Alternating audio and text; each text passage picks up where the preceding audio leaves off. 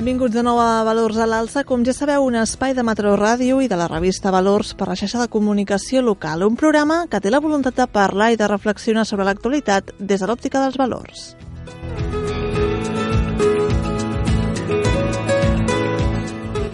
La crisi que viu Venezuela afecta les seves fronteres. Colòmbia un país que busca la pau després de 50 anys de conflicte, rep ara una onada d'immigrants arribats al nord. Avui en parlarem amb la Diana Torres, coordinadora local de Mans Unides a Colòmbia i del Servei Jesuïta al Refugiat. Sabeu què és l'arrodoniment solidari? La plataforma de microdonacions WorldCo ha llançat un sistema que permet fer petites donacions a través de les compres quotidianes. Ens ho explicarà amb més detall en Sergi Figueres, un dels seus fundadors. Aquests dies al Museu Can Mario de Palafrugell es pot visitar l'exposició La identitat perduda al rostre, col·lecció olor visual, una mostra entorn dels conceptes de la memòria, l'ocultació i la dissolució. I finalment, la periodista Judit Vives, a la secció de Tendències, ens explicarà el concepte de capitalisme conscient i ens explicarà alguns exemples. Com sempre, a la direcció Maria Coll i Joan Salicru, a les vies de Sopera González i a la presentació que us parla, Laura Cera. Tot a punt, comencem. Si voleu contactar amb el programa ho podeu fer a través del Twitter arroba revista Valors, del Facebook a facebook.com barra revista Valors o enviant un correu electrònic a redacció arroba valors.org.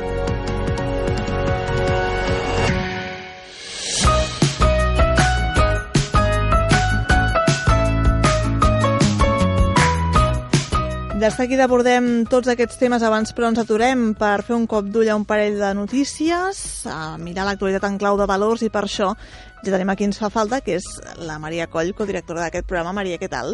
Molt bé. Què ens destaques aquesta setmana? Doncs mira, primer destaquem una notícia eh, bastant pròxima perquè després del fatídic accident que va acabar amb la mort del petit Julen a l'interior d'un pou, eh, tot l'any, l'Ajuntament d'aquest municipi estava considerant, o com a mínim així es va anunciar, transformar la zona zero dels fets en un lloc de visita i homenatge. Sembla que l'equip de govern tenia pensat començar a fer unes obres el passat 8 de gener per donar visibilitat i millorar l'accés a l'anomenat Dolmen del Cerro de la Corona, de la Corona però ara eh, havia canviat d'opinió. Aquest és un monument que tenen en aquella zona, però un cop eh, en havien passat aquests fets, havia decidit dues possibilitats. Crear un monument en honor a la Brigada Central de Salvament Miner, que va realitzar el rescat d'aquest nen, o fer una espècie de parc infantil. Aquesta, aquesta idea va generar tanta confusió, diguem, que ara semblaria que l'Ajuntament ha desmentit aquesta possible notícia.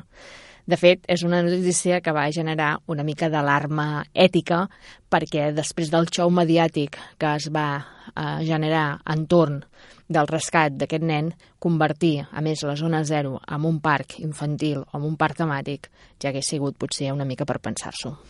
Per tant, de moment està desmentit. Sembla que estaria desmentit, però només que que hagués corregut el rumor ja ens hauria de fer pensar una mica com s'ha tractat aquesta notícia i doncs, com, com també tractem aquesta notícia i moltes altres que tenen el mateix caràcter doncs, de, de tragèdia i d'accidents. No? Podem recordar els miners a Xile i moltes altres una d'aquelles situacions o d'aquells casos per reflexionar, sens dubte. I la segona notícia, Maria? La segona notícia és d'aquells titulars que moltes vegades te'ls has de llegir dues vegades perquè et criden l'atenció i aquest titular deia un home demandarà els seus pares per haver-lo agendrat sense el seu consentiment. És un titular que sembla força il·lògic, perquè si el demandant no havia nascut no podia ser consultat si l'engendraven, no? Per tant, la lògica en aquí s'imposa. Uh -huh. El protagonista d'aquesta història es diu Rafael Samuel, de 27 anys, és natural de Bombay i es confessa antinatalista i assegura obertament que els pares són uns hipòcrites. Malgrat l'absurditat de la proposta, ja que si tothom denunciés els seus pares per no haver-los consultat a l'hora de néixer, podríem dir que els jutjats estarien desbordats no? de tantes demandes, aquest noi planteja un tema que el debat pot ser interessant, no? perquè diu ell es pregunta fins a quin punt els pares a la societat actual engendren els fills, no pensant en aquests, sinó en la seva pròpia alegria o amb el seu propi plaer de tenir fills. Per tant, la pregunta seria si tenir fills és un acte egoista o un acte de generositat.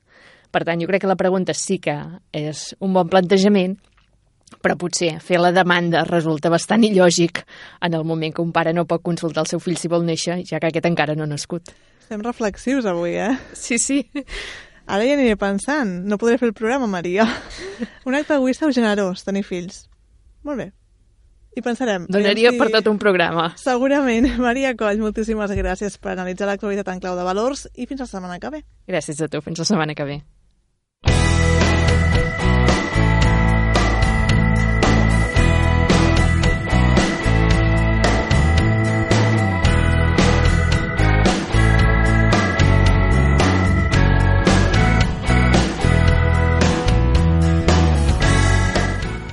La frontera entre Venezuela i Colòmbia és un punt clau de la crisi venezolana. El pont Bolívar és la gran porta de sortida de veneçolans cap a altres països. De fet, es calcula que més de 3 milions de veneçolans han creuat la frontera cap als països veïns. Colòmbia, un país que encara busca la pau, i el Brasil, principalment.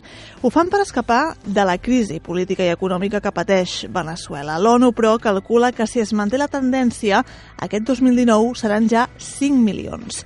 Per parlar del futur de Venezuela, també de Colòmbia, avui ens acompanya la Diana Torres. Ella és coordinadora local de Mans Unides a Colòmbia i del Servei Jesuïta al Refugiat que ha visitat Espanya en el marc de la campanya Creiem en la igualtat i en la dignitat de les persones de Mans.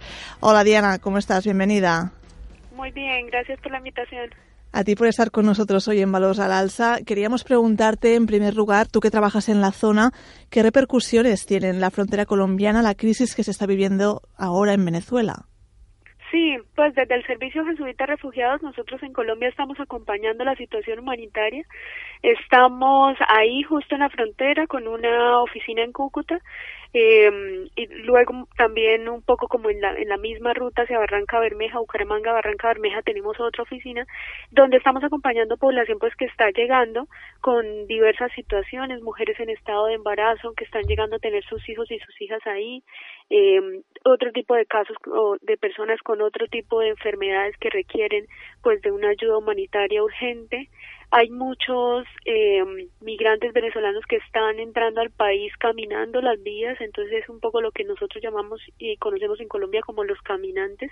Y un poco de repercusiones, pues bueno, es que esa esa frontera es una frontera bien compleja eh, porque hay diversas dinámicas de violencia por la presencia de diversos actores armados ahí que hacen un poco que las que, que sea una frontera compleja que además de lo migratorio pues haya pues todo el tema del narcotráfico todo el tema del contrabando de gasolina bueno como unas dinámicas de violencia que son eh, pro, eh, de esa zona y que son bastante conocidas en, en el país ¿De cuántas personas estamos hablando exactamente y cómo es su vida?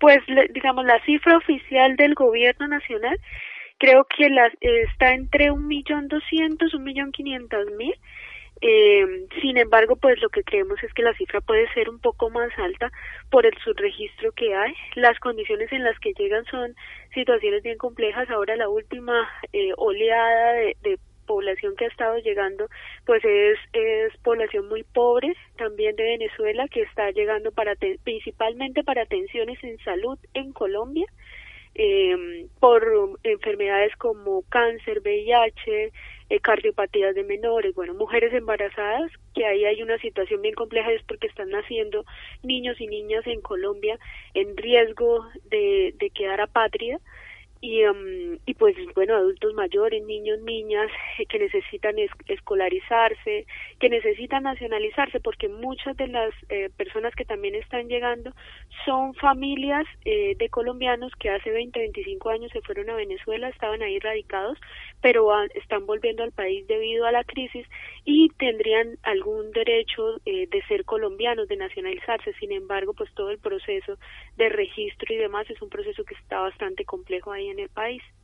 Y desde el Servicio de Ayuda de los Jesuitas, vosotros ofrecéis todo tipo de ayuda, entiendo, como decías. Ayuda humanitaria, sí, a través de un proyecto con Manos Unidas, justo este año, lo que estamos es eh, arrancando un, proyecto para atención en varias regiones del país, no solo ahí en la frontera, porque digamos ese es el paso de ingreso, pero resulta que muchos están llegando a otras regiones, a quedarse en las regiones o como lugares de paso y tránsito hacia Ecuador y hacia Perú. Entonces, pues requieren en todo ese tránsito ayuda humanitaria, alimentaria, en, de albergue, eh, de salud eh, y en términos de kit de bebé, del tema de las mujeres, eh, y eso se está, se está haciendo en las regiones en donde hacemos presencia como servicio jesuita refugiados. ¿Podría un cambio de régimen, por ejemplo, la caída de Maduro, cambiar la situación en la frontera? pues nosotros en, al, corto y mediano plazo no lo vemos. Ahora, la situación eh, económica de Venezuela, pues bueno, no soy yo quien, quien debería y tengo la información porque yo estoy del lado eh, colombiano, no del lado venezolano, eh, pero me imagino que tendría que haber un proceso de transición en el que la situación humanitaria pues no, no cambiaría de la noche a la mañana, es un poco lo que prevemos nosotros. Mm. porque Pues el nivel de desabastecimiento y demás del, del vecino país por las condiciones en las que llegan y por lo que nos cuentan las, los, los venezolanos y venezolanas, pues es bastante crítico. ¿Qué opiniones merece el posicionamiento de otros países respecto a Venezuela? ¿Se ha actuado a lo mejor demasiado tarde? Bueno, digamos, eso ya tendría que hacerse pues como un análisis político. Eh, lo que nosotros sí creemos es que tiene que ser, digamos, y también lo hemos dicho para, para Colombia como tal, frente un poco al conflicto armado, y es que la salida tiene que ser negociada y tienen que ponerse las personas por encima de todo, sí, los derechos de las personas, la dignidad de las personas que son las que se están viendo afectadas en este momento.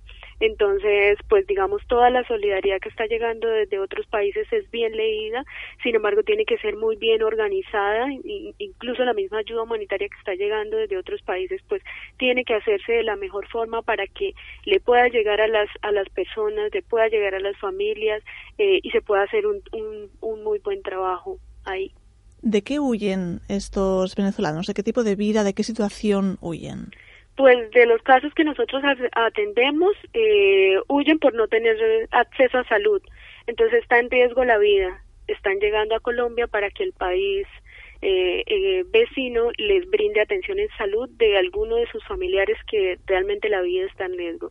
Están huyendo eh, las mujeres por la imposibilidad de tener en las condiciones de vida y para tener a sus hijos. Entonces también un asunto de salud mínimo vital de partos están huyendo por desabastecimiento, no tienen alimentos, están huyendo porque lo que eh, cuentan es que el salario que tienen no les alcanza para eh, comprar alimentos y no hay alimentos para comprar. Entonces están huyendo eh, digamos, por los mínimos vitales que implica lo básico, que implica vivir la vida, pero también entendemos porque hemos acompañado algunos casos de algún tipo de persecución. Entonces, pues bueno, yo creo que es un poco eh, como diverso cada caso, eh, pero ciertamente siempre con el fin de proteger la vida. Diana, tú no solo trabajas en la frontera, después de 50 años, de hecho, el conflicto en Colombia hace que haga que sea uno de los países del mundo con un mayor número de desplazados. ¿De cuánta gente estamos hablando, más o menos? Víctimas del conflicto armado interno en Colombia hay a este momento 8.5 millones de víctimas en general. ¿Y cuál es su situación? Pues digamos hay muchas víctimas eh, que todavía no han generado procesos de estabilización en los lugares a los que han llegado. Hay muchos que han retornado al campo eh, sin garantías de retorno, eh, sin poder acceder a la tierra a la que en algún momento se les despojó. Eh, hay mucha gente como en los grandes, en algunos asentamientos de, de ciudades o municipios grandes en condiciones eh, muy precarias, sin acceso a servicios básicos y demás eh, la informalidad, la economía en la informalidad, porque pues no se han podido enganchar en términos económicos, así que muchos de estos están viviendo como en una crisis humanitaria prolongada, porque muchos sus procesos de desplazamiento ocurrieron hace algunos años, pero su situación humanitaria es en algunos casos igual a la del momento inicial o en, o, o en algunas, incluso hasta en peores condiciones. Entonces es una situación bastante compleja. En este momento incluso, además del, del tema de, desplazamiento, pues estamos teniendo otras dificultades como el tema de asesinato a líderes y lideresas sociales, lo que empieza a complejizar el asunto, el tema del narcotráfico, el microtráfico, el tema de reclutamiento, uso y vinculación de menores a la misma dinámica de violencia, lo que está generando incluso otro tipo de desplazamiento forzado. Entonces es, es una situación bien compleja. Y a eso le añadimos lo que tú nos contabas hace un rato, que es que a los niños, las mujeres, los enfermos están en una situación aún peor, si es posible. Claro, son los más vulnerables dentro de los más vulnerables lo que decimos nosotros los más pobres dentro de los más pobres y ahí es donde estamos intentando hacer algo hacer algo, digamos, para minimizar el impacto de la migración. Ahí es importante eh, eh, decir que, claro, lo que se haga tiene que ver con minimizar el impacto en las personas, la dignidad de las personas, pero no solucionar el problema de fondo ni solucionar el problema de Venezuela. Estamos minimizando que los impactos de la migración en términos humanitarios a las personas pues se minimice, pero eso no eh, erradica el problema de fondo. Eh, en los acuerdos de paz, Diana, precisamente se hablaba del retorno de los desplazados en sus tierras. ¿Qué se ha hecho al respecto? Eh, digamos, antes del proceso de paz, Colombia tiene una ley que es la 1448 de 2011, que es de ley de víctimas y restitución de tierras y es una ley pues en la que se han dado unos pasos importantes porque hace parte de reconocer las personas como víctimas del conflicto armado, o sea que el Estado colombiano reconoce que hay unas víctimas, ha estudiado cada caso de forma individual y lo ha reconocido en un registro. Ahora, en términos de la restitución de tierra, en, eh, lo que entiendo y lo, pues que sabemos por los informes es que poco se ha podido avanzar en esa misma restitución digamos, por muchos factores de contexto y de dinámicas de violencia que sigue habiendo en los territorios que han imposibilitado incluso que esa restitución sea efectiva. Y hace tiempo que las FARC dejaron las armas, pero te quiero preguntar, Diana, si realmente hay una sensación de vivir en paz en el país. Mm, la verdad, lamentablemente, lo que se vive en las comunidades no es así. Eh, yo creo, pues digamos, eh, nosotros vemos con muy buenos ojos el proceso y creemos que, que, digamos, tiene que ser por la vía negociada en la que intentemos como país encontrar un poco como el camino hacia la paz. Eh, sin embargo, eh, un proceso de paz y unos acuerdos, porque sobre todo ahí es importante eh, tener claridad que lo que se firmó con las FARC fueron unos acuerdos, algo que firmamos y que dijimos vamos a cumplir, que no es la paz en sí. La paz llegará cuando se cumpla eso, que mucho de lo que se acordó ahí tiene que ver con los territorios, con cómo se llega, cómo el Estado logra llegar a los territorios.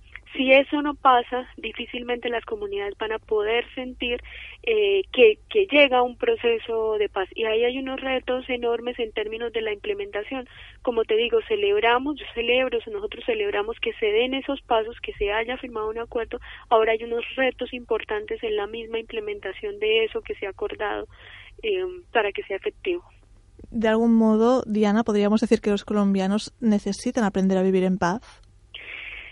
Yo creo que nosotros los colombianos merecemos vivir en paz. Eh, y lo merecemos porque, porque, digamos, el número de víctimas que, que deja eh, un conflicto armado como este, pues es, es digamos, eso nos indica que nosotros, digamos, ese no es el camino, por ahí no es. Y yo creo que como colombianos y colombianas merecemos trabajar por la paz eh, y vivir en paz y lograr un proceso de paz eh, en un país que ha sufrido profundamente y que el dolor se ve y se siente en muchas eh, familias y personas que, que han sufrido vulneraciones. Diana, para ir terminando, esos días estás aquí en España en el marco, como decíamos al inicio, de una campaña que es Creemos en la igualdad y en la dignidad de las personas, una campaña de Manos Unidas. ¿Es la primera vez que vienes? Sí, invitada por Manos Unidas es la primera vez que, que venimos. Eh, apoyarles en esta campaña que además es maravillosa porque es una campaña en la que incluso también emprenden este trienio para hablar de derechos humanos y arranca un poco como con los derechos de las mujeres. Entonces celebramos profundamente eh, que Manos Unidas lleve 60 años de, de trabajo, agradecemos profundamente a la sociedad española por esas contribuciones porque a partir de ahí es que Manos Unidas también ha podido realizar esos 60 años de labor que permiten acompañar a los pobres, a los más pobres dentro de los pobres. ¿Tenéis retos entre manos? Muchos. Yo creo que tenemos que seguir aprendiendo eh, el hacer, el cómo hacerlo de la mejor forma, en cómo estar con el más vulnerable, el más vulnerable y, y pues bueno, ahí seguimos tejiendo redes, aprendiendo e intentando hacer nuestro mejor trabajo. Diana Torres, te agradecemos muchísimo este tiempo, tu tiempo y todo lo que nos has contado. Gracias también por vuestro trabajo en Colombia con Manos Unidas y hasta pronto. Bueno, gracias por la invitación. I després de parlar de fronteres, ara us deixem amb el tema Frontera, que l'uruguaià Jorge Drexler va gravar l'any 1999.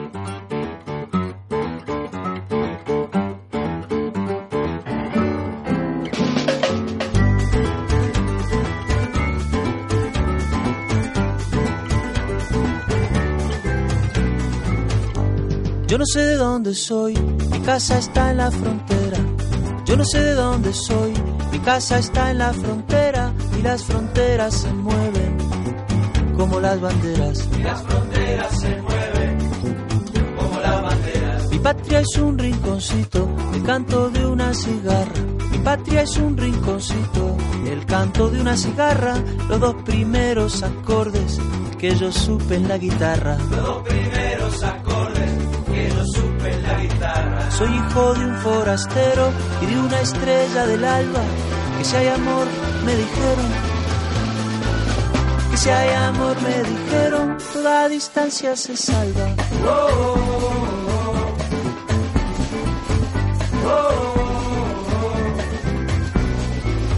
No tengo muchas verdades, prefiero no dar consejos. Tengo muchas verdades, prefiero no dar consejos. Cada cual por su camino, que igual va a aprender de viejo. Cada cual por su camino, que igual va a aprender de viejo. El mundo está como está por causa de las certezas. El mundo está como está por causa de las certezas. La guerra y la vanidad comen en la misma mesa. Soy hijo de un desterrado y de una flor de la tierra. Y de chico me enseñaron las pocas cosas que sé del amor y de la guerra.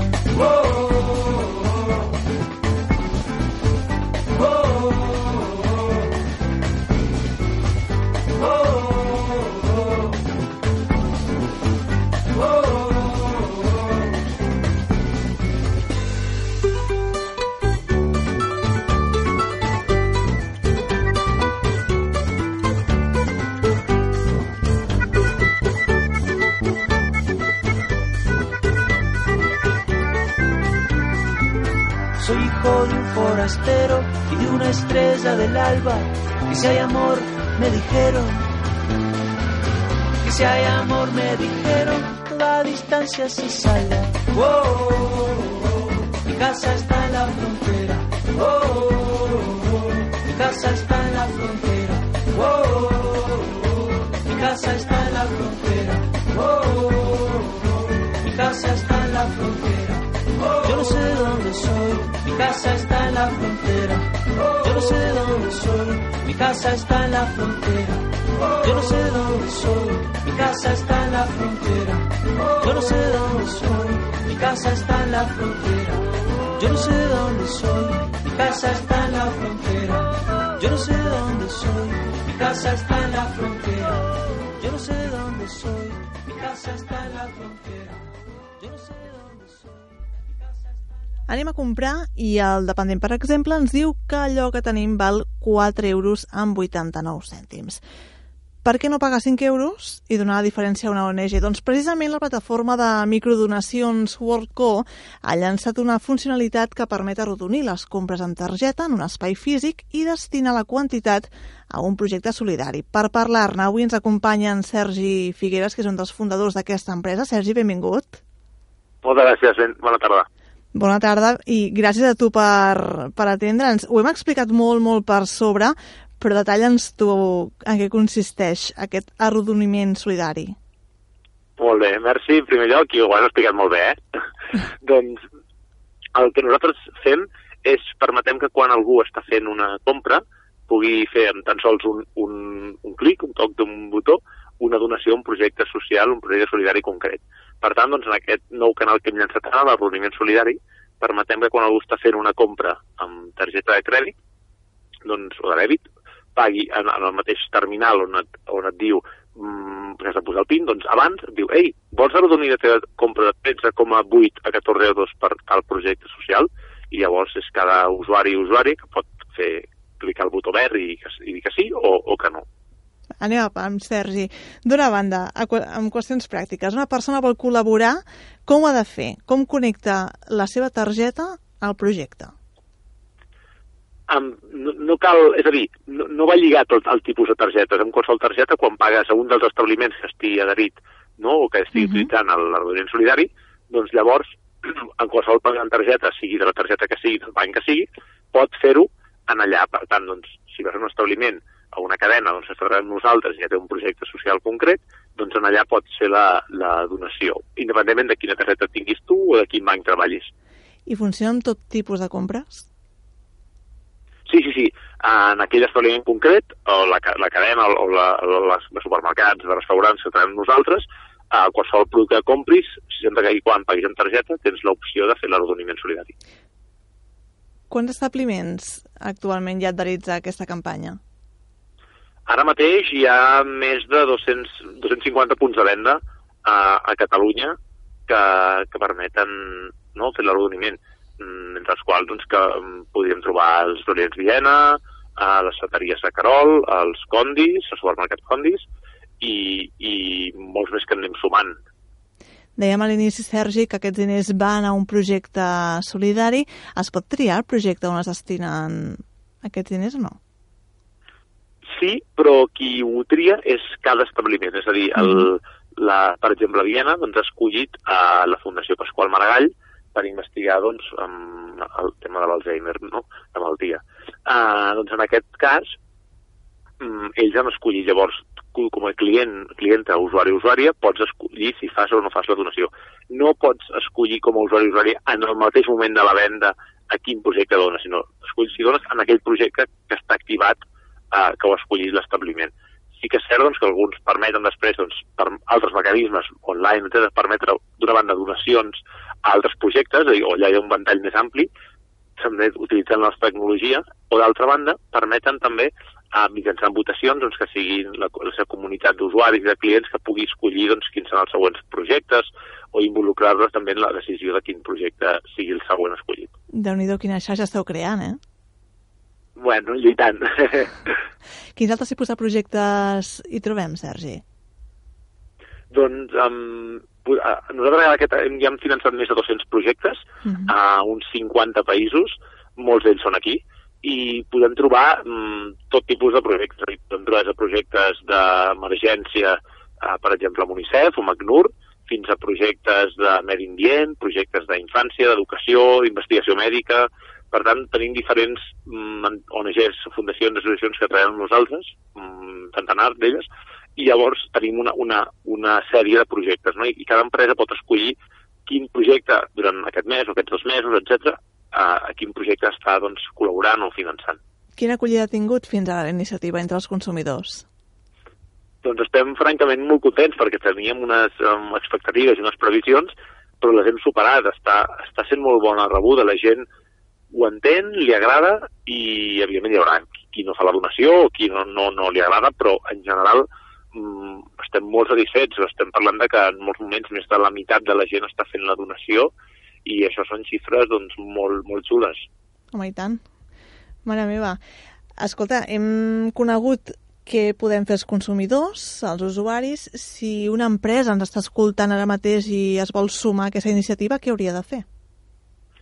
Doncs eh, és bastant senzill, ens hauria de contactar i, i llavors mirem en funció de quina tecnologia tinguin de passar-la a pagaments, doncs eh, d'integrar la nostra solució i podrien escollir doncs, el projecte. A vegades doncs, són empreses que ja porten molts anys col·laborant amb algunes entitats socials i diuen, vull doncs, seguir donant suport a aquestes o vull eh, estructurar-ho més, etc. No podem perfectament integrar-ho i llavors doncs, eh, treballar en aquesta línia plegats, és a dir, escollim uns projectes, sempre anem per projectes, que la gent pugui saber on van els diners, tenim un equip de projectes que fa seguiment de la donació, a la nostra pàgina web i a la part online pots també doncs, veure com avança el projecte, pots veure fotos, vídeos, memòries, etc. No? perquè ei, aquells cèntims que ets on van? Pots demanar el certificat de declaració fiscal, però per tant de l'empresa senzillament és dir, vull ajudar aquest projecte i, i integrar una tecnologia de Worldcom. Què hauríem de dir, Sergi? Que això és una alternativa a les donacions tradicionals o bé un complement? Nosaltres pensem que és un, un complement absolutament, és a dir, mm, jo mateix, a nivell personal, doncs soc soci d'una sèrie d'ONGs, però és un model diferent, és a dir, tu ets soci o sòcia d'una sèrie d'ONGs, si és que ho ets, doncs, per molts motius, però ja tens un vincle fort amb aquella entitat. En aquest cas, és, tu estàs sent un, estem canviant o intentant canviar una mica també el paradigma de la donació, no? intentant que quan tu fas una donació, hasta però quan fas un acte de compra, sigui on sigui, amb un sol clic, sense que et vinguin a demanar les dades, sense que et truquin i et persegueixin, res, pugui ser una donació a un projecte concret. Evidentment que després pots involucrar-te molt més, pots conèixer el projecte, en pots seguiment, però si vols és tan senzill com uns cèntims per tal projecte. Per tant, molta gent que ja és sòcia, doncs és un complement, a part, això et permet també col·laborar amb una sèrie de projectes, pots ser sòcia d'una ONG molt gran que està treballant a, a diferents països i en canvi aquí doncs t'ofereixen uh, projectes locals que també doncs, un cèntim ajuda aquest projecte local doncs també, per tant, veiem que és un complement, mm, absolutament. També el, el que és cert és que és un mecanisme um, que mitjançant la tecnologia, no? tecnologia per millorar el món, et permet doncs, fer un gran impacte. Llavors el que intentem també és, és, és modernitzar el sector de les donacions aportant doncs, el que permet la tecnologia, no? que és facilitat, que és uh, el, immediatesa i que és sobretot també transparència i traçabilitat, que sàpigues on van aquests diners. Aquests són per nosaltres valors fonamentals. Tot això, tots aquests valors els comparteixes com a cofundador de Worldco amb l'Aureli Bou. Com és que heu decidit muntar una empresa d'aquest tipus, una plataforma com aquesta?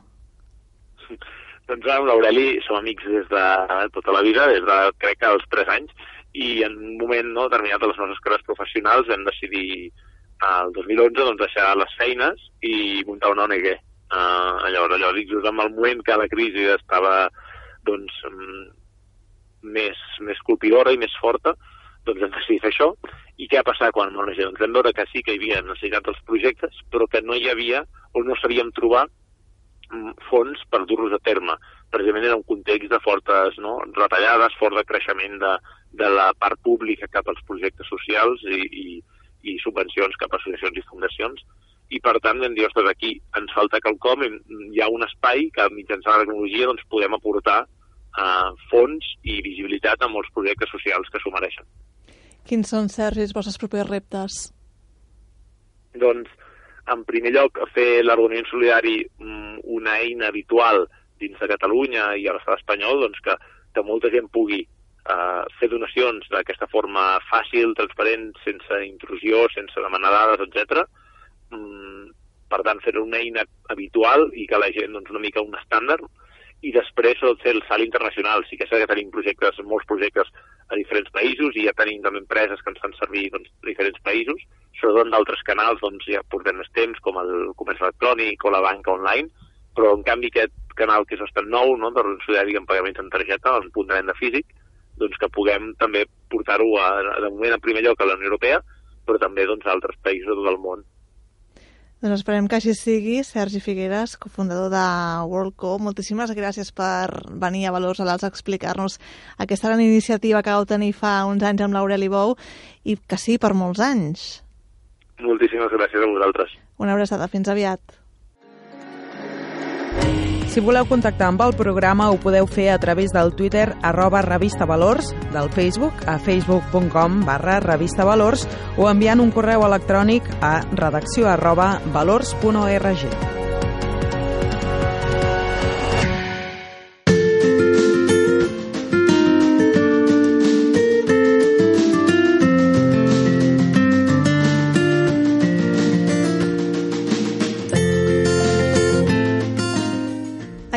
setmanes al Museu Can Mario de Palafrugell es pot veure l'exposició La identitat perduda, al rostre, col·lecció Olor Visual. Una mostra que reflexiona entorn del rostre i que reuneix una cinquantena d'obres d'artistes destacats dins del panorama contemporani actual. Ens explica tots els detalls la Natàlia Chocarro, ella és adjunta de Direcció d'Art de la Fundació Vilacases. Com estàs, Natàlia? Benvinguda. Hola, bona tarda, moltes gràcies. Primera pregunta obligada, per què una exposició dedicada al rostre? Què té d'important aquesta part del nostre cos? El rostre, al llarg de la història de l'art, eh, ha, ha variat molt de significat, però mm, la Cristina Gàpito, que és la directora de Col·lecció Olor Visual, i jo mateixa vam pensar que era interessant traçar un recorregut eh, a través d'aquesta col·lecció de Col·lecció Olor Visual a partir del rostre, seleccionar, triar un seguit d'obres on és la fisonomia i el rostre és el, diguem-ne, l'element important, rellevant, i configurar doncs, un, un recorregut. Perquè precisament en la postmodernitat, en, el, en la història de l'art, al moment actual, eh, amb la tecnologia, amb les xarxes socials i de més, doncs hi ha hagut un, un accés, hi ha un accés de, de la imatge i, i és un dels motius pels quals eh, hi ha la utilització de les màscares, és a dir, aquest desdoblament del, del rostre en màscares per tal d'ocultar el que seria la pròpia identitat. I nosaltres el que hem fet és, doncs, és això, traçar un recorregut a partir d'aquest gènere de, del retrat, del retrat del rostre en aquest cas. Ja que parles de màscares, Natàlia, precisament Bauman deia que la societat actual al rostre és substituït per una màscara o inclús per diverses màscares i això provoca problemes d'identitat i també problemes emocionals.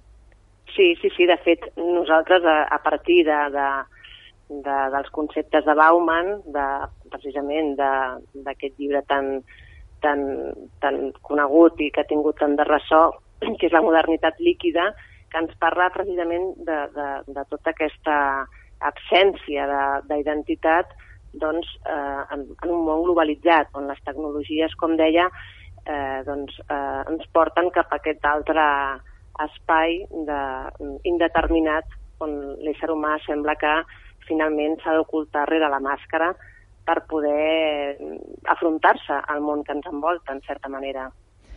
Són noves tecnologies, són en molts casos pantalles que fan que en certa manera estiguem perdent potser el costum de mirar-nos a la cara, no? Exacte, exacte. I, I bé, nosaltres el que fem és a través d'aquesta col·lecció, que també té una particularitat que, que, que m'agradaria comentar-vos, doncs, perquè parteix de, de, el seu artífex és l'Ernesto Ventós, uh mhm. -huh. que precisament per ell eh, tota la seva col·lecció descriu les olors que l'envolten. És a dir, és una col·lecció que està vinculada estretament a, al món olfactiu i cada un dels autors representats, autors nacionals i internacionals, doncs quan el col·leccionista adquireix l'obra els hi demana que faci un escrit per vincular el món de les olors, en el qual eh, és la, diguem que el, el col·leccionista es dedica a aquesta professió, no és perfumista, és net de perfumistes i molt vinculat al món de, del perfum, tal, tant perquè fa als, als, als avis com, com als pares, doncs els demana que facin aquest exercici eh, a través de la paraula per vincular aquests dos mons. I, i és molt interessant veure doncs, com s'articula tot aquest discurs d'aquesta col·lecció que té aquesta particularitat i que pensem que és pràcticament única uh, una col·lecció que s'ha configurat a través de, de, dels aromes, que és molt interessant d'aquest perfumista, col·leccionista i artista que és Ernesto Bantos, com ens deies. I si, poden, si poden veure, Natàlia, 50 obres, com deies, artistes sí. reconeguts. Algun exemple, si plau. Hi ha tants artistes. A, a veure, hi ha, per exemple, un, un tàndem d'artistes alemans molt interessants, que és en Daniel i en Geo Fuchs, que ens sembla molt interessant perquè precisament el que fan, eh, en aquest cas, un de, dels, de les sèries que presentem a l'exposició, eh, titulada Cap de nen amb, amb un barret turc, són uns nens que mm, van, van morir en el segle XVI i en un, uh, en un poble de l'interior de Turquia doncs els fotògrafs es van trobar eh, que hi havia tot un seguit de flascons on aquests nens morts havien estat eh, engalonats amb els millors eh, vestits doncs perquè, i, i amb formol perquè els famí les famílies els volien d'alguna manera homenatjar i retre, retre aquest homenatge. I és una peça realment que força atrapant per l'espectador. D'altres autors, eh, Soledad Córdoba, que evoca un univers més oníric i contrasta més amb, amb que són les cartografies silenciades, també és un treball interessant, o Carmen Calvo, aquesta artista de València, que reflexiona entorn la, la religió, la censura o la representació. Són molts els artistes que, que, que il·lustren l'exposició i que ens sembla que, que són molt i molt interessants per l'espectador. Ja et dic, fins a 50 eh, són molts els autors representats. Com Hi ha es... Pep Carrió, a l'Ebro, mm. també, per exemple, la Viana Beck, que és la que tanca el recorregut expositiu, amb una peça on precisament no hi ha cap eh, presència de, de cap mm, fragment del rostre. És simplement una tela blanca amb un forat al centre que seria ja la dissolució absoluta de la identitat. I per això és la que tanca el recorregut expositiu de la mostra. Com heu fet tota aquesta selecció, Natàlia? Com, com i quan vau començar a coure aquesta mostra? Aquesta exposició es va, es va començar a treballar fa dos anys i val a dir que tenen un uh, col·leccionador visual, un, té un fons exactament, no sé quin número d'obres en tenen en, el, en la seva col·lecció.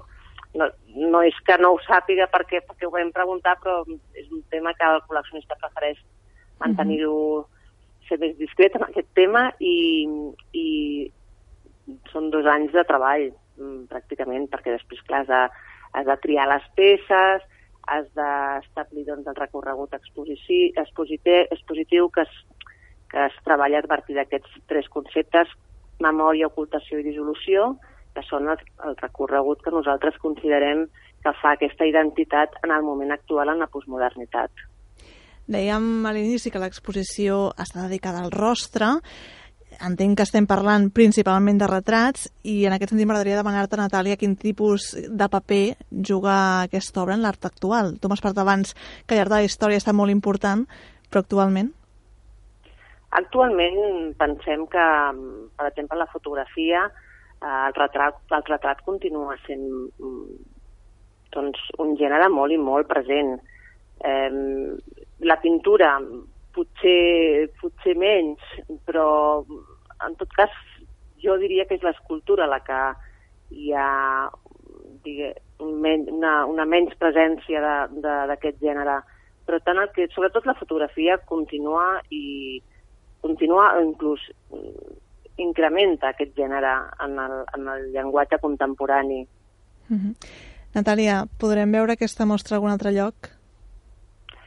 Sí, aquesta exposició itinera eh, l'any vinent itinerarà es presentarà a l'Institut d'Estudis Lardens, a Lleida, a la Sala Gòtica, un espai meravellós, on haurem de fer una nova selecció d'obres perquè potser no ens permet presentar la totalitat de les obres que, que ara es poden veure al Museu Can Mario, però en tot cas eh, mantindrem el que és el concepte i el que és el, el discurs expositiu de la mostra a partir d'aquest gènere. Mm -hmm.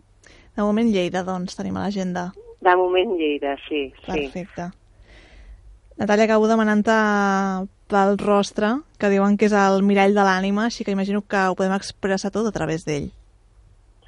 Sí, sí, es pot expressar, però, però tal com nosaltres hem intentat eh, establir aquest discurs eh, es fa molt difícil eh, en el món contemporani que el rostre eh, il·lumini el que hi ha, eh, o sigui, en un transmissor de l'ànima. És molt complicat, per això que us comentava eh, a l'inici, doncs perquè sembla com que és molt senzill eh, comunicar-se a través de les xarxes socials, però eh, hi ha una mancança de, de, de parlar, no? de parlar de, de, de comunicació i, i, i que és més senzill doncs, fer-ho a través de, de les tecnologies i, per tant, la utilització de nou d'aquestes màscares. Doncs vinga, va, tots cap a Palafrugell fins al 19 de maig, on podeu veure a Can Mario aquesta exposició on el rostre és el gran protagonista, Natàlia Chocarro, adjunta de direcció d'art de la Fundació Vilacases. Moltíssimes gràcies per presentar-nos aquesta exposició i molta sort, us seguirem la pista. Moltíssimes gràcies a vosaltres. Fins una altra. Fins aviat. Si voleu contactar amb el programa ho podeu fer a través del Twitter arroba revista valors, del Facebook a facebook.com barra revista valors o enviant un correu electrònic a redacció arroba valors.org.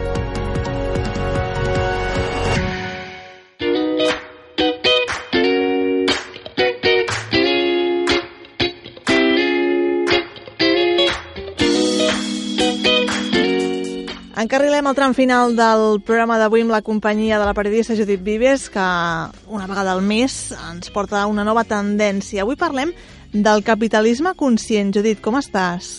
Hola, què tal? Encantada de tornar a estar aquí. Igualment, només faltaria. Què vol dir això del capitalisme conscient? Explica'ns.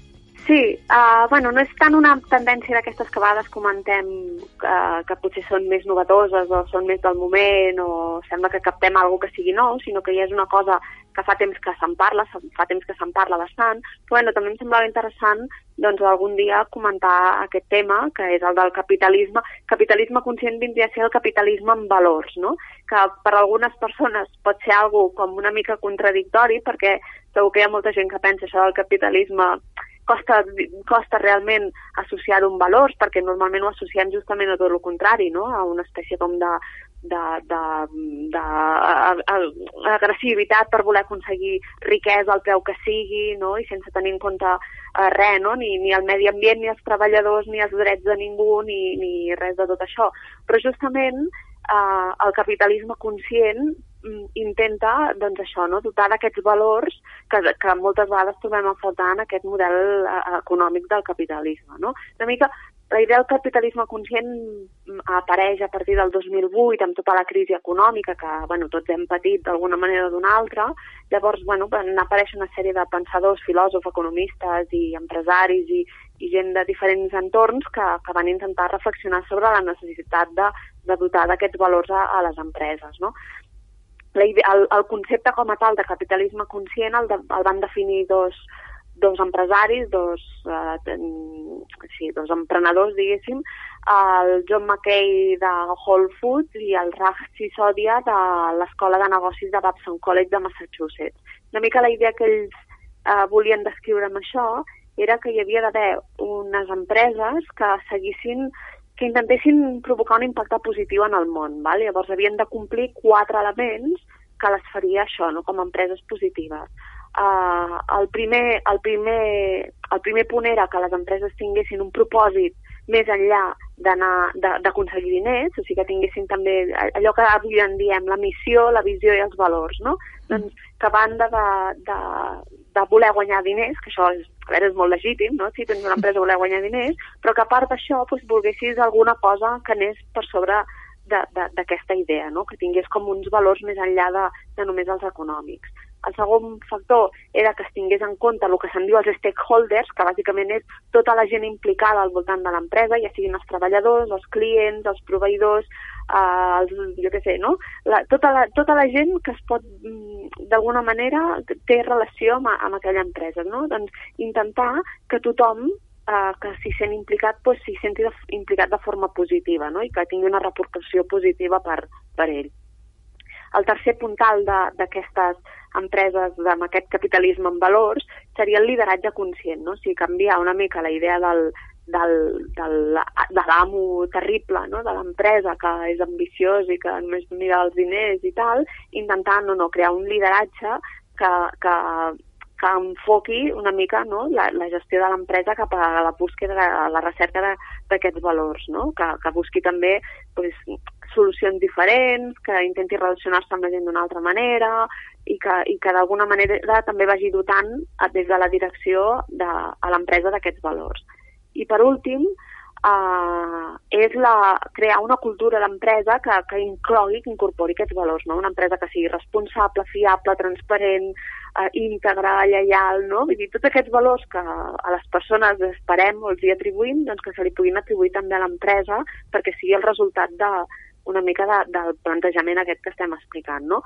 I amb aquesta idea del capitalisme conscient que van formular aquests dos teòrics o aquests dos empresaris a, a això, no? cap a, ja, fa, ja fa uns quants anys, doncs hi ha moltes empreses que han intentat anar-se enfocant en aquesta línia dels valors, o anar incorporant els valors. Hi ha moltes tendències eh, jo, no sé, per exemple, comentar-ne una de, de curiosa, que és això que se li diu el certificat B Corporation, que, o el B Corps, que també se, se li diu, no? que és un segell que, que es va crear una mica per identificar les empreses que d'alguna manera estan complint ja amb aquests principis. No?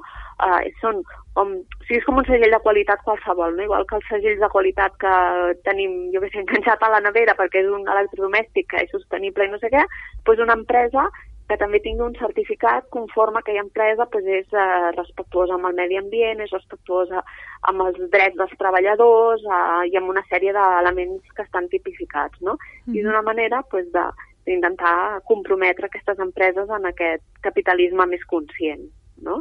Per exemple, això seria, seria un exemple. Un altre exemple que es pot posar en aquesta línia, que no és bueno, que seria una, una alternativa també, no? El, el capitalisme conscient és el, el, la, la iniciativa, el programa aquest que va impulsar el, el Muhammad Yunus, que, bueno, que suposo que més gent el coneix, no?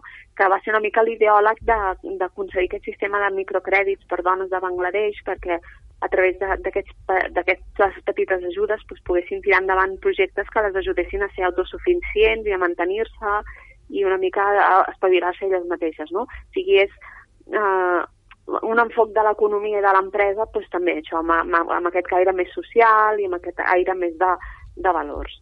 No? Doncs ben anotat, ho tenim tot això i ara segur que ens hi fixarem, eh, Judit, a partir d'ara, quan pensem en empreses. Sí, ara mireu, a veure, jo què sé, no? Per exemple, quan aneu a comprar alguna cosa, però mireu si a la web de l'empresa hi ha el certificat aquest, per exemple, o alguna cosa així, tenen valors o alguna cosa. Capitalisme conscient, la tendència d'aquest mes amb la Judit Vives. Moltíssimes gràcies, Judit, i fins al mes gràcies que ve. Gràcies a vosaltres. Una abraçada. Pues aquí estarem, gràcies.